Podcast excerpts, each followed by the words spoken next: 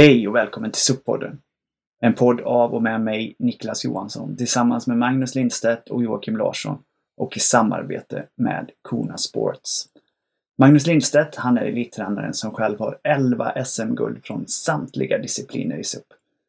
Magnus är också huvudtränare för både en femfaldig världsmästare i SUP och Kona Racing Team. Han har i över 30 år arbetat med prestationsutveckling inom många olika idrotter och många olika förbund. Joakim Larsson han har ägnat de senaste 30 åren åt surf och vattensport, tävlat på hög nivå i windsurfing och med flera medaljer från VM. Joakim visade en av de första supparna i Sverige redan 2006. Numera lever han SUP som grundare och ägare till Sveriges ledande SUP-företag, Kona Sports.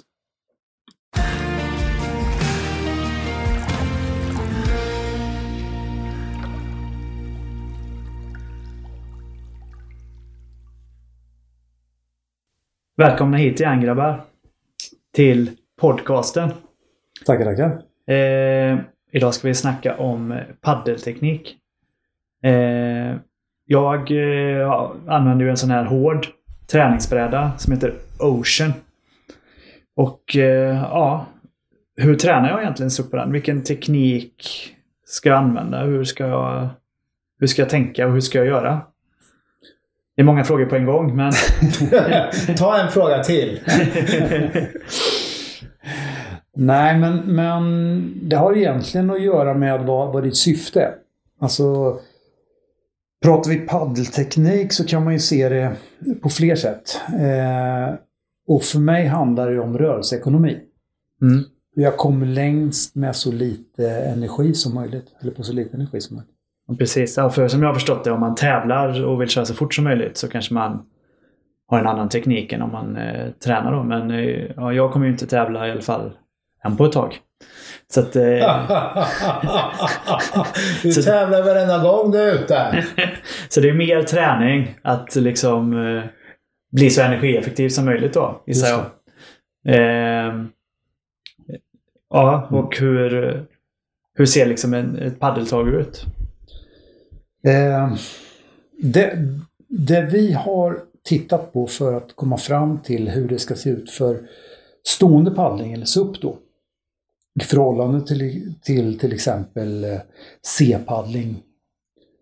Eh, C-paddling är kanot eller? Ja, det är kanot eller Canadian tror jag det står för egentligen då. Men det är att man står i en öppen, eh, eh, öppen båt med ena bakre knät i botten. Mm. Så det står med ena knät i botten då. Och det är ju många SUP-paddlare kommer till exempel från C-paddlingen och många har tittat utifrån den, tittat på hur vi ska paddla stående paddling utifrån eh, C-paddling. Mm. Eh, här har vi sett vissa skillnader faktiskt. Att, att stående paddling skiljer sig eh, i förhållande till även C och sittande paddling. Mm. Eh, det vi har tittat på det är till exempel paddelcykeln då, alltså ifrån iset till nästa iset, om man säger is, när vi sätter i bladet i vattnet tills vi återigen ska sätta i. Det kallar vi för en paddelcykel. Det är en cykel. Ja. Mm. Och då vi tittat på eh, olika faser i den här. Vad som händer med fart, vad som händer med kroppen, allting i olika faser under den här paddelcykeln. Okej. Hur många faser är det i en paddelcykel? Ja, internationellt så har man gått på fyra faser. Ja. Men vi har sett att fem är det vi vill förhålla oss till. Ja. Och eh, det har modifierats lite på vägen, men, men om vi tar det som det har varit internationellt. Så börjar man med isetsfasen då. Alltså catchen. Mm. Alltså när, egentligen när bladspetsen, ifrån att bladspetsen når ytan Mm. tills att hela bladen är, bladet är i vattnet. Mm. Det kallar vi för catch då Okej. eller iset. Mm. Och nästa fas, det vi kan kalla för internationellt för power phase, vi kallar det för impulsfas. Det är när hela bladet är i vattnet tills bladet är bakom fötterna, kan man säga. Ja. Precis bakom fötterna. Och tredje fasen är eh, det vi kallar för uttagsfas eller exit. Då. Och det är ifrån att hela bladet är i vattnet bakom fötterna tills hela bladet är ur vattnet bakom fötterna. Ja. Och sen nästa fas är då, den fjärde fasen är eh, recovery phase eller glidfas till, på svenska exempelvis. Och det är när padden går ifrån att vara ur vattnet bakom fötterna fram till nästa iset. Eh, det är de fyra faserna då? Det är de fyra som används internationellt. Vi har lagt till en fas, eller egentligen, ja, det är en fas som vi kallar för, den här finns internationellt också.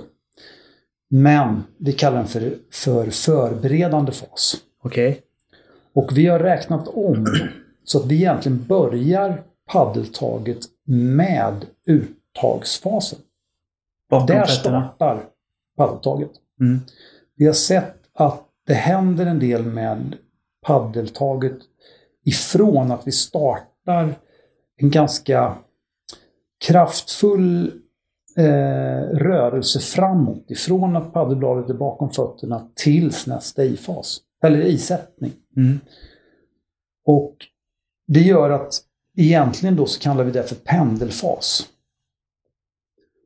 Och så att nu går vi från pendelfas till förberedande fas. Mm. Förberedande fasen det är in, precis innan catchen, när vi sätter upp kroppen för att så effektivt få ner bladet i vattnet som möjligt. Mm.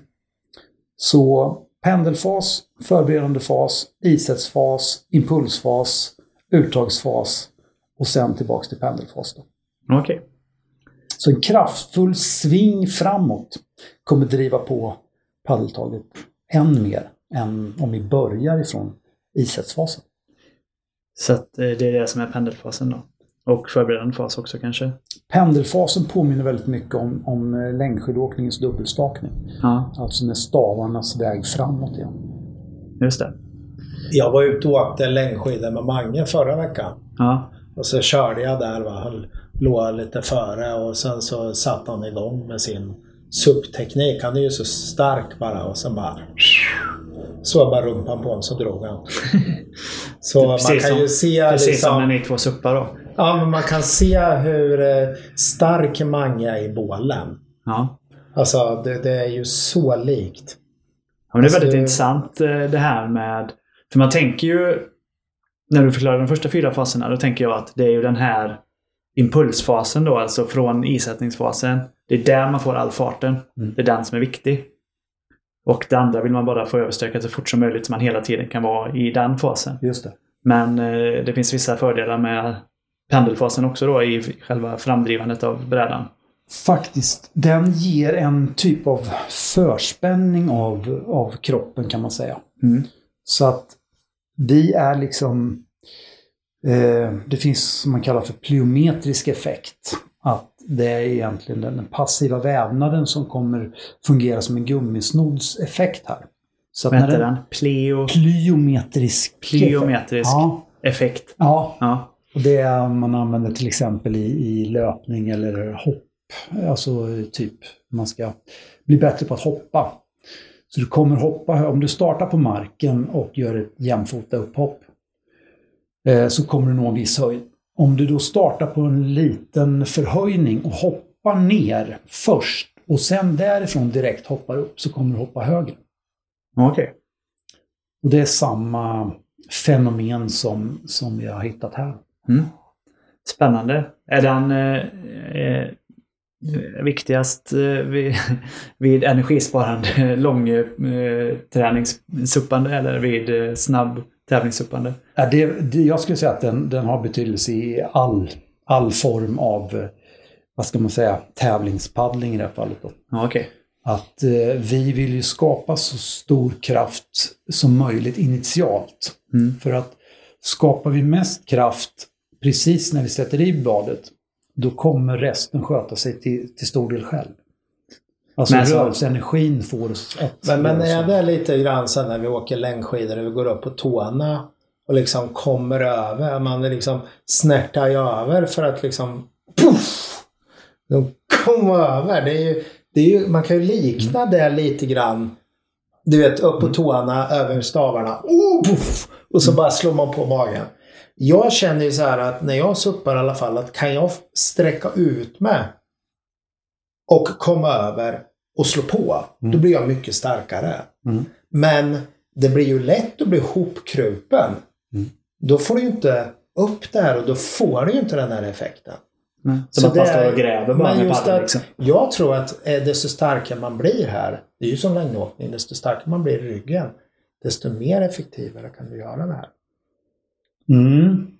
Att du kommer upp, alltså. Absolut. Stämmer det liksom att jag kommer upp och Ja. sen pang! Så jag liksom får ut magen, sträcker ut mig. För att när jag sträcker ut, då kan jag verkligen slå på bålen. Mm. Men är jag hopkrupen här, då får jag inte den hjälpen som jag kan få av bålen. Stämmer det? Mm. Vi, vi, det är precis som i dubbelstakningen här. Vi vill ju få över så mycket. Vi vill jobba med gravitationen helt enkelt. För det, det är gratis, eh, gratis eh, effekt.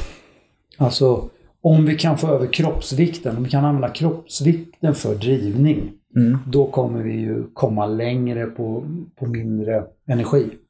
Just det. Och Det innebär att vi måste komma upp över paddeln så vi faller fram på paddeln då. Då sköter sig ju paddeltaget i mångt och mycket självt. Just det. Även om vi kan hjälpa till med armarna till exempel för att dra oss fram emot, emot paddeln. Mm. Men är det någon skillnad där? För jag tänker man, när man stakar på eh, skidor då finns det ändå ett större mått av motstånd i marken när du sätter i stavarna. Du kanske kan... Eh, alltså är det någon skillnad i vad du måste göra när du låter eh, gravitationen Ja, jobba? Förstår du vad jag menar? Ja, jag att förstår eh, faller du bara framåt med en paddel så åker den rätt ner i vattnet. Då blir du liggande på brädan. Ja. Eh, och det är det här som någonstans skapar en liten konflikt kan man säga. Alltså att om vi tänker då att, att initialt i, i förberedande fasen så ska vi ju falla med hela kroppen framåt. Då är vi ganska utsträckta.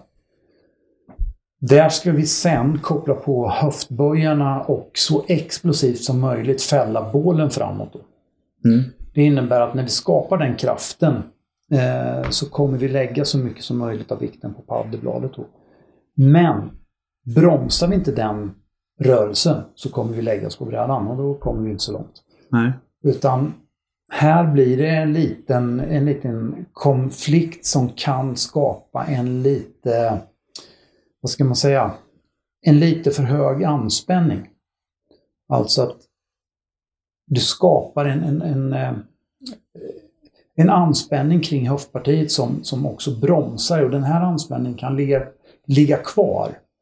Och det innebär att du kommer ha den här anspänningen konstant under tiden du paddlar, vilket blir ganska jobbigt då. För man måste bromsa den rörelsen själv då med sin kropp. Exakt. Det hjälper inte till exempel att dra paddeln bakåt då i den här impulsiva fasen utan du måste bromsa upp Du framåt måste bromsa upp den. fallet på ett annat sätt. Så länge som, som paddlarna ser ut som de gör idag. Nu håller vi på och tittar på, på andra former och andra, andra typer av paddlar som, som ska förhoppningsvis fungera än bättre. Okej, Ja, men det som det ser ut idag då så är det så Exakt. i alla fall. Och det gör att, att på grund av att om vi ska jobba med, med kroppsvikten så innebär det att vi måste fall, våga falla framåt. Ja. Det som händer är att om man inte vågar falla framåt och bromsa den här effekten, det är att man blir kvar i en ganska sittande position eller när man har tyngdpunkten rakt över fötterna. Då får man inte hjälp utav, utav eh, tyngdkraften eller gravitationen. Eh, men skulle du säga då om jag ska ut och, och köra då för, för träning eh, på sjön eller Mm. kanalen eller vart jag nu är.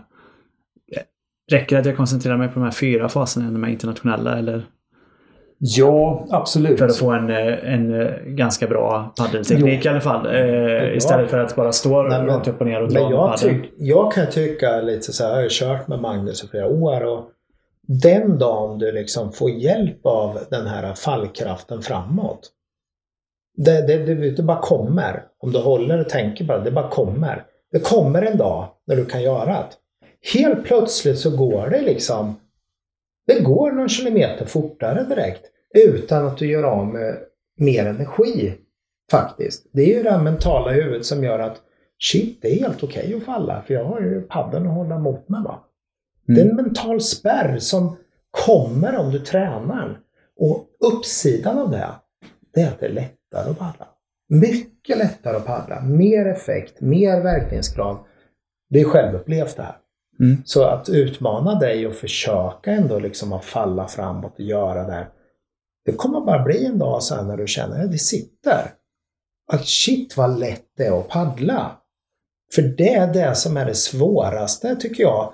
Första tiden så tycker man att man drar och sliter och grejer och donar och så blir man skittrött och hög puls.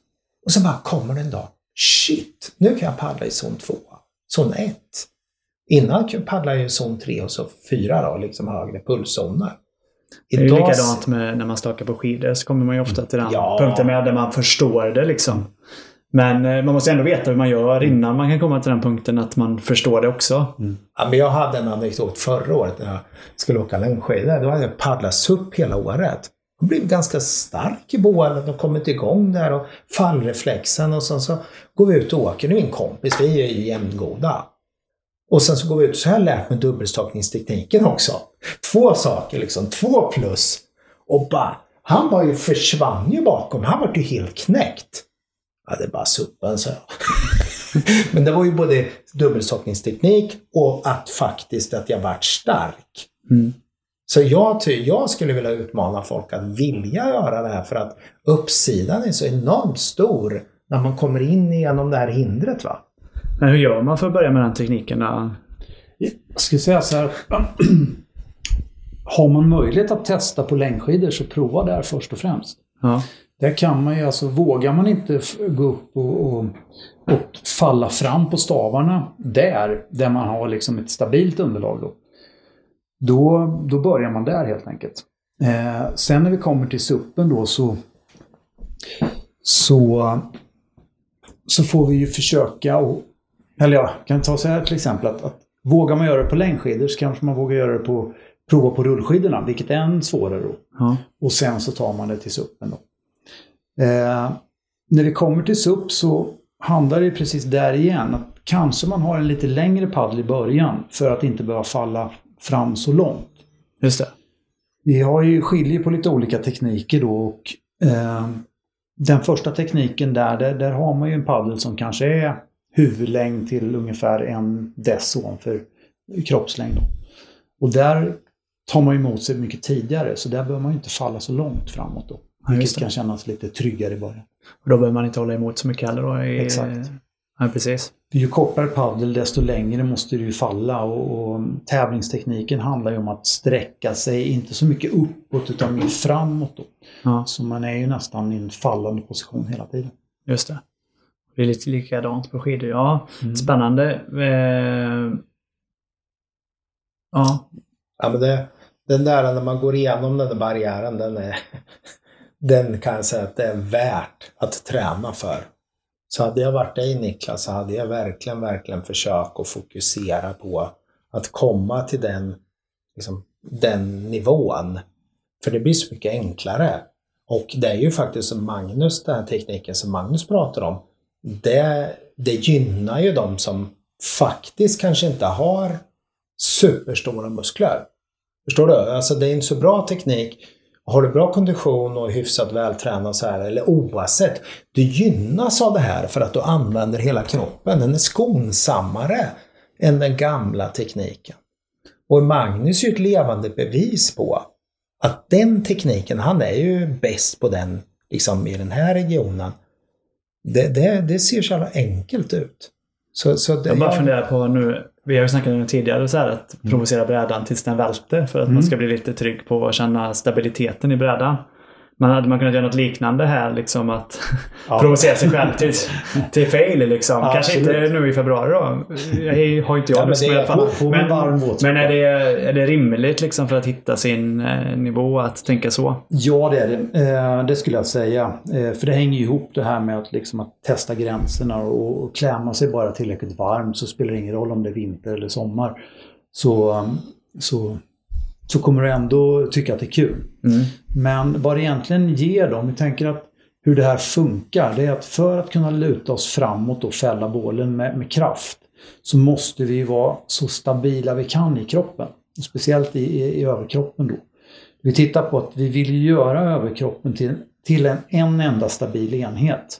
Där benen och höfterna är det som är liksom ska svara emot det instabila underlaget. Okej. Okay. Så att ju mer vi kan stabilisera kroppen, alltså överkroppen i det här fallet, desto mer utav vikten kommer vi få över på paddelbladet. Det vill säga att då kommer vi också dra brädan framåt. Vilket gör att vi förflyttar tyngdpunkten på vattnet. För SUP handlar egentligen om att vi ska förflytta vår egen tyngdpunkt med hjälp av en, en bräda och en enbladig paddel. Mm. Så det är det det handlar om. Och um, Har man då en längre paddel i början så kommer vi också att, att successivt öka belastningen på kroppen då och kunna få den här vad ska man säga, momentana anspänningen direkt när vi ska i isättsfasen när, när, när bladet ska i vattnet. Mm. Och för att kunna bygga det, det är många, många detaljer i det här nu som man kan gå vidare i. Men, men en primär del det är att den undre armen behöver vara sträckt, alltså sträckt armbågsled. Stabiliserar det överkroppen eller? Ja, det gör att vi kan lägga mer kraft på, på ryggmuskulaturen genom det. Risken okay. är annars att böjer vi armbågsleden så kommer vi lägga mycket av kraften på armen och inte då få ihop överkroppen till en, en enda här, här gäller det att tänka också att har man då rak underarm, eller alltså rak underarm, om man har lite lång paddel i början, då kommer det vara svårt liksom att lyfta paddeln precis rakt fram. Då måste man ju dra ut den. Men desto duktigare man blir, eh, desto kortare paddel. Vi kapar ju många, vi kapar ju fortfarande paddel. Mm. Och eh, sen tänker jag uppsidan med det här, när man, om man nu kan lära sig att använda benen, det är ju framförallt faktiskt att man kan avlasta lite till slut. Du har hela kroppen i rörelse. I början är det ju alltså jobbigt i benen. Innan du kommer igång och får igång den här kicken och du får, alltså det är riktigt jobbigt. Och när man blir trött så är det första man slutar med det är ju benen. Det, för det är en timing men det gör ju också att om du har en timing och du får igång hela kroppen, det innebär ju också att du får en, liksom en hälsosammare och spänstigare kropp. Så jag tycker du ska verkligen lägga energi på att försöka i början få med dig kroppen och våga falla framåt. Men jag upplevt det här, för jag vet att det var en av de första grejerna du sa till mig Magnus, var att du ska alltid ha sträckt. Den undre armen på padden, den ska alltid vara sträckt. Tänk på det. Mm. Och I början fattade jag inte ens hur det skulle gå till. Jag bara, varför? Han måste sagt fel. Ja. Eh, varför säger han till mig att göra det? Men eh, sen eh, ja, så lär man ju sig det där ganska fort. Men jag, det var så var det precis som du sa Jocke. Jag fick liksom vinkla ut den i början för att kunna behålla armen sträckt. Ja. För att jag fattade liksom inte riktigt hur jag skulle göra det. Nej. Men det gör ingenting. Gör så i början för att du ska göra så. Men det är det som är häftigt. Man har ju verkligen gått igenom de här faserna. Man har ju gått i Magnus skola här nu. Man känner sig som en, liksom en man går i trean till sexan och nu går man sjuan till nian. Nu har kommit, till, nu har kommit liksom till gymnasiet, till tvåan. Ja, jag, jag på gymnasiet Magnus. Jag tänker, så man har fått vara med på lite tävlingar. Så nästa år så tänker jag väl att jag ska eh, köra ännu längre. Va? Mm. Som det känns nu så fortsätter ju den här skolan livet ut. det är så, va? kommer på nya saker hela tiden. Ja. Vilket gör det här fruktansvärt intressant. Ja, det är klart. Men eh, eh jo, men den här tekniken som vi pratade mm. om nu, det kanske är svårt att så här, man lyssnar på det här att föreställa sig hur det ser ut. Mm. Finns det någonting i nuläget man kan titta på hur det ser ut? Eh, eller måste vi göra den filmen själva? Ja, det kanske det. vi kommer göra ändå, men, ja. men det kanske finns något som man redan nu kan titta på. Jag har lite videos som vi kan lägga ut på Suppod-filmen. Ja, ja. Det, det, det, jag får den här frågan eh, dagligen nästan. Och det finns dessvärre in, ingen... Vi har vi tittar på så många delar och vi har filmat vissa delar så vi behöver lägga ut någonting eh, som gör det här mer konkret. Ja. Eh, och vi behöver, speciellt så vill man ju se det från sidan, där vi kallar sagittalplan. Då, ja, För att se hur vinkeln på, på padden ser ut och så vidare. Och, och, när den här, vad ska man säga, benarbetet kommer igång och sådana saker. Då. Ja. Men det jag ville tillägga där med, med, just med paddel. Om i början då när vi har en, en längre paddel och speciellt om den är kroppslängd och över. Mm. så behöver vi alltså svepa paddelbladet ifrån att vi är i uttagsfasen då fram till isättfasen igen så behöver vi svepa bladet så nära vattenytan som möjligt då. Mm. För att ändå kunna hålla en, en relativt hög frekvens. Då. Just det. Men problemet är att om vi har då den här längden eller än längre då.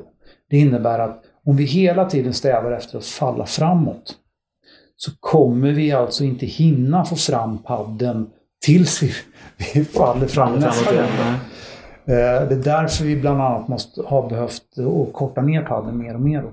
Just det. Men då måste man också falla Det- eh, längre fram Ja, för att få i padden. ja exakt. Alltså, Men det är att- Gör man en fällning i höftleden eller? Ja. Ja. Först och främst så faller vi med hela kroppen kan man säga. Ja. Och sen så när vi har liksom är på väg att börja falla, då, alltså när vi är på väg att tappa balansen, när vi säger, när vi är i förskjuten balans eller offset balance då. Det är när tyngdpunkten då är eh, utanför vår, eh, vad ska man säga, eller framför tårna kan man säga. Just det. Och precis i det läget, då fäller vi bålen så kraftigt som möjligt. Ja. Eh, och då innebär det att, att då måste överkroppen vara stabil. För fäller vi, lägger vi den kraften här och överkroppen ger efter, ja men då tappar vi ju all den effekt vi, vi vill uppnå. Så därför måste vi ha en, en, en ganska hög anspänning över kroppen precis när bladet träffar vattnet. Då. För att få, eller liksom få så effektiv drivning som möjligt. ja. Men... Eh, Ser ni här, vi, jag har lite bilder vi kan lägga ut. Här ja. har du, det där är ju, om jag då får kommentera, så är ju det där eh, mer tävlingstekniken. Ja. Eh, med en, en betydligt kortare paddel. Då, Ja, då pratar vi paddellängd som är eh, minst 10 cm under kroppslängd. Ner 10-15 cm under kroppslängd. Då ska man ha en ganska... Då, då vill man vara ganska säker på sin teknik för att använda en så Då kort vill paddel. man åtminstone ha eh, ganska bra uthållighet i benen. För det mjölksyran i låren som, Ja, det är, Ja, det är det som värsta. kommer ge sig till Ja. ja, det är, men det är häftigt liksom när man går ner mot paddeln. Man får en helt ny träningseffekt. Och Ja. man, får bara, man får bara, bara bli starkare och starkare och till slut blir man ju så stark. Och man har den här fallgrejen framåt och alltihop. Fan. Då bara, det bara flödar. Mm. Det bara flödar tekniken. Det, det vi har sett här dessvärre, det är att, att många som har försökt kopiera det här med att ko- korta ner sin paddel. Så, så blir det att man, benen är spikraka. Sen fäller man överkroppen bara mer och mer. Så att överkroppen ligger nästan i, i eh, parallellt med brädan. ja. Och det Men tanken att man ska börja mer på knäna egentligen. Exakt. Ehm, ja, men det är superintressant. Men vi kanske ska göra då en film eh, filmad från sidan eh, där vi visar med normallång eh, paddel Mm. eller alltså kroppslängd eller 10 cm över sa du va? Mm. Eh, hur det ser ut egentligen eh, så att man kan titta på det det- vi kan förklara kanske de fem olika faserna då. Ja, men precis. Och det, det är den tekniken då som är... Vill man komma in i SUP-träning så är det ju just den här, vi kallar för crosswater, cross country. Alltså den bygger ju på längdskidåkningen där. Och den är mer, vad ska man säga, den är mer uppbyggande och skonsam än tävlingstekniken som vi kallar för Nordic stroke. Då. Okej, ja men den kanske vi kan gå in på lite senare eh, i år då i podden. eh, Den här Ja, tävlingstekniken. ja, och så men- håller vi oss till den här eh, mer träningstekniken till att börja med. Ja, men egentligen är det ju så när du har en lång paddel så blir det ju snällare och sen så blir det ju tuffare och tuffare och tuffare. Så att det ger sig ju naturligt tycker jag. Det gör det och dessutom så, så speciellt i början så kan det vara väldigt svårt att träna i lägre pulszoner i Nordic Stroke med den här korta paddeln. Mm. Och det gjorde att, att jag, jag växlar eh, relativt ofta mellan en kort paddel då som är kanske 10 cm under min längd tills kanske kroppslängd eller 5 cm, 10 cm över då. Bara för att få en annan typ av belastning på kroppen. Just det. Så vill jag köra mer lågintensivt så, så kanske jag använder en längre paddel. Härligt. Eh, Jag känner att vi har eh, täckt in paddeltekniken då ganska bra. Eh, Grundläggande i alla fall. Väldigt lite skulle jag säga. Jag kan säga så här att det är ingen idé att gå djupare än. Nej, jag tänker att det här är väldigt grundläggande och, komplettera det här med, med en rörlig bild som kan visa på hur det ser ut. Så- Jag vill påstå att det är väldigt som traditionellt sett låg kunskap i den här tekniken. Vilket gör att man sliter faktiskt sönder kroppen emellanåt. Alltså man paddlar ju oergonomiskt så man kan få ont i axlarna. Det här tekniken bygger ju på att man ska få en funktionell kropp. Likaväl att den är effektiv så ska det ju skapa då en funktionalitet i kroppen som vi har nytta av. Så vi inte bara jobbar med axlar och liksom armar. Det här är ju en fin, skonsam, liksom, den är en genuin teknik. Det är det jag gillar med Magnus, för han gör det genuint. Ja, men om det finns en teknik som är uppbyggande för kroppen och som eh, man liksom har nytta av i sitt vardagsliv eller, ja, eller om man utövar någon annan idrott och det finns teknik som är slitsam och ger skador så tror jag de allra flesta i alla fall hade velat använda då, om man ska säga en korrekt teknik då eller vad man ska kalla det. Ehm, men eh, som sagt, eh, det tror jag också Magnus, det var säkert väldigt grundläggande det här och att man kan bli väldigt mycket mer komplex i det här. Men för mig är det ändå, det det här, det här är början på tekniken. Här får vi börja och så får vi ta det vidare därifrån sen. Så att eh, jag tycker att eh, vi är nöjda så med det här avsnittet och så eh, kommer vi tillbaka med ett avsnitt om själva paddlarna. Mm. Är ni med på det? Det låter bra. Sådant. Fint, tack för idag. Tack.